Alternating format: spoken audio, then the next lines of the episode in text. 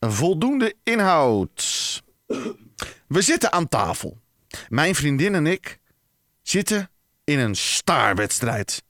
Beide ervan overtuigd deze te kunnen winnen. En opeens zegt ze: Gert, je zou zo door kunnen gaan voor Hollebolle Gijs. en ik zeg: Dank u wel.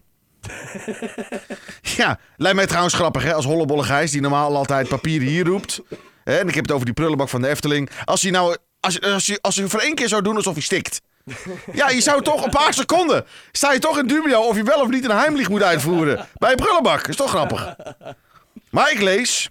Een voorgevel van een pand aan de Jan van Heidenstraat in Den Haag is ingestort. En ik hoor onze ome Henk al zeggen: De titel van Annie zien er niet meer uit.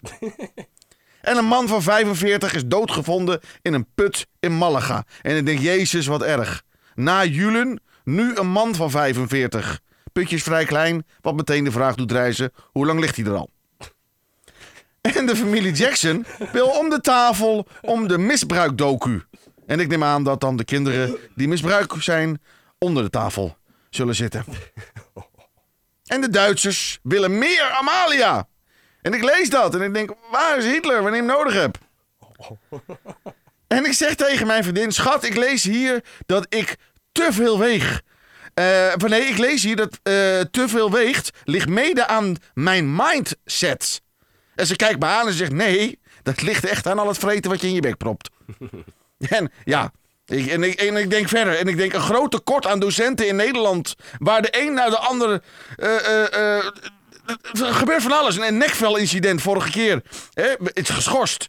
Zit een ander thuis, omdat hij even vergeten was.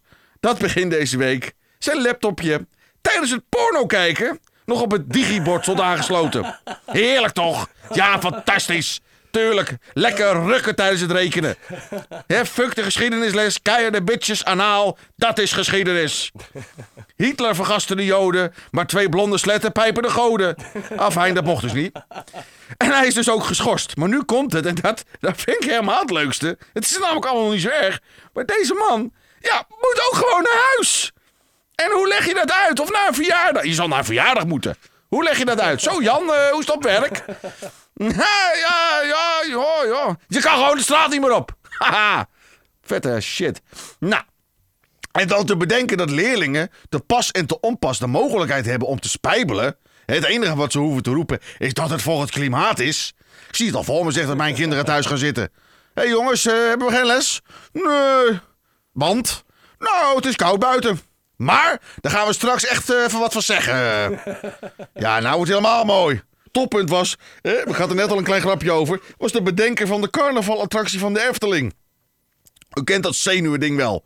Het moet zijn Afrikaanse en Aziatische poppen aanpassen, want deze zouden stereotyperend werken.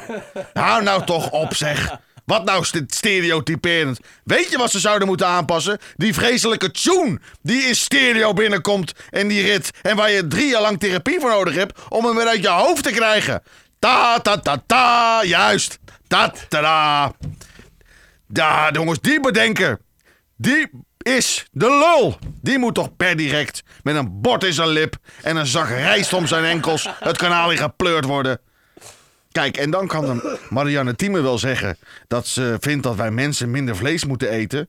Want die dieren zouden lijden. Hè? Nou, geef die bedenker van die hoerentjoen dan zo'n dood. Marianne Thieme moet sowieso de bek houden met het stop met vlees. Het zal godverdomme je wijf maar zijn, zeg. Nooit vlees in de mond. Nee, ja, lekker. Maar goed, heerlijk als fan zijn dat je eerst je snikkel in augurk moet proppen voordat ze hem in de bek neemt. Nee, heerlijk.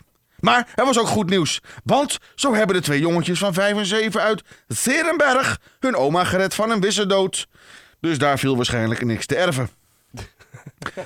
En een 12-jarig jongetje in het Chinese plaats Wuhan heeft uit nieuwsgierigheid 39, ik herhaal, 39 magnetische balletjes in zijn plasbuis gestopt.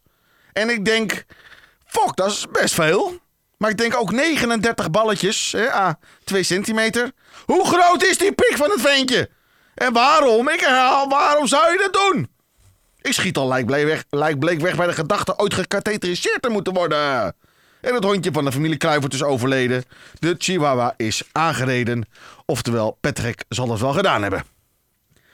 En Heerenveen wil een Fries gezicht als uitstraling voor de club. Wat mij echt geen goed idee lijkt. Nee, de club zit al in zwaar weer. En om dan uitgerekend een terminale downy op de foto te gaan zetten als uitstraling, ik denk niet dat je dat moet willen. En 786 erectiepillen gevonden in Capelle. 786. Het is niet dat er twee doosjes zijn gevonden. Nee, 786 pillen. Neem me even serieus. Ik ben ook wel eens onzeker tijdens de eerste vrije partij. Maar ja, wel handig als je zelfmoord wil plegen. Je bent meteen stijf. Waarop ik tegen mijn vriendin zeg... eh, nog even over dat vreten gesproken. Zou je alsjeblieft je scheetjes minder willen ophouden voortaan? Want dat las ik ook deze week. Het schijnt dat de lucht anders gewoon via je bek naar buiten komt. Begreep meteen waarop mijn schoonmoeder zo ruikt. Ja, waarop mijn ogen beginnen te tranen en ik verlies nee, meteen de staarwedstrijd.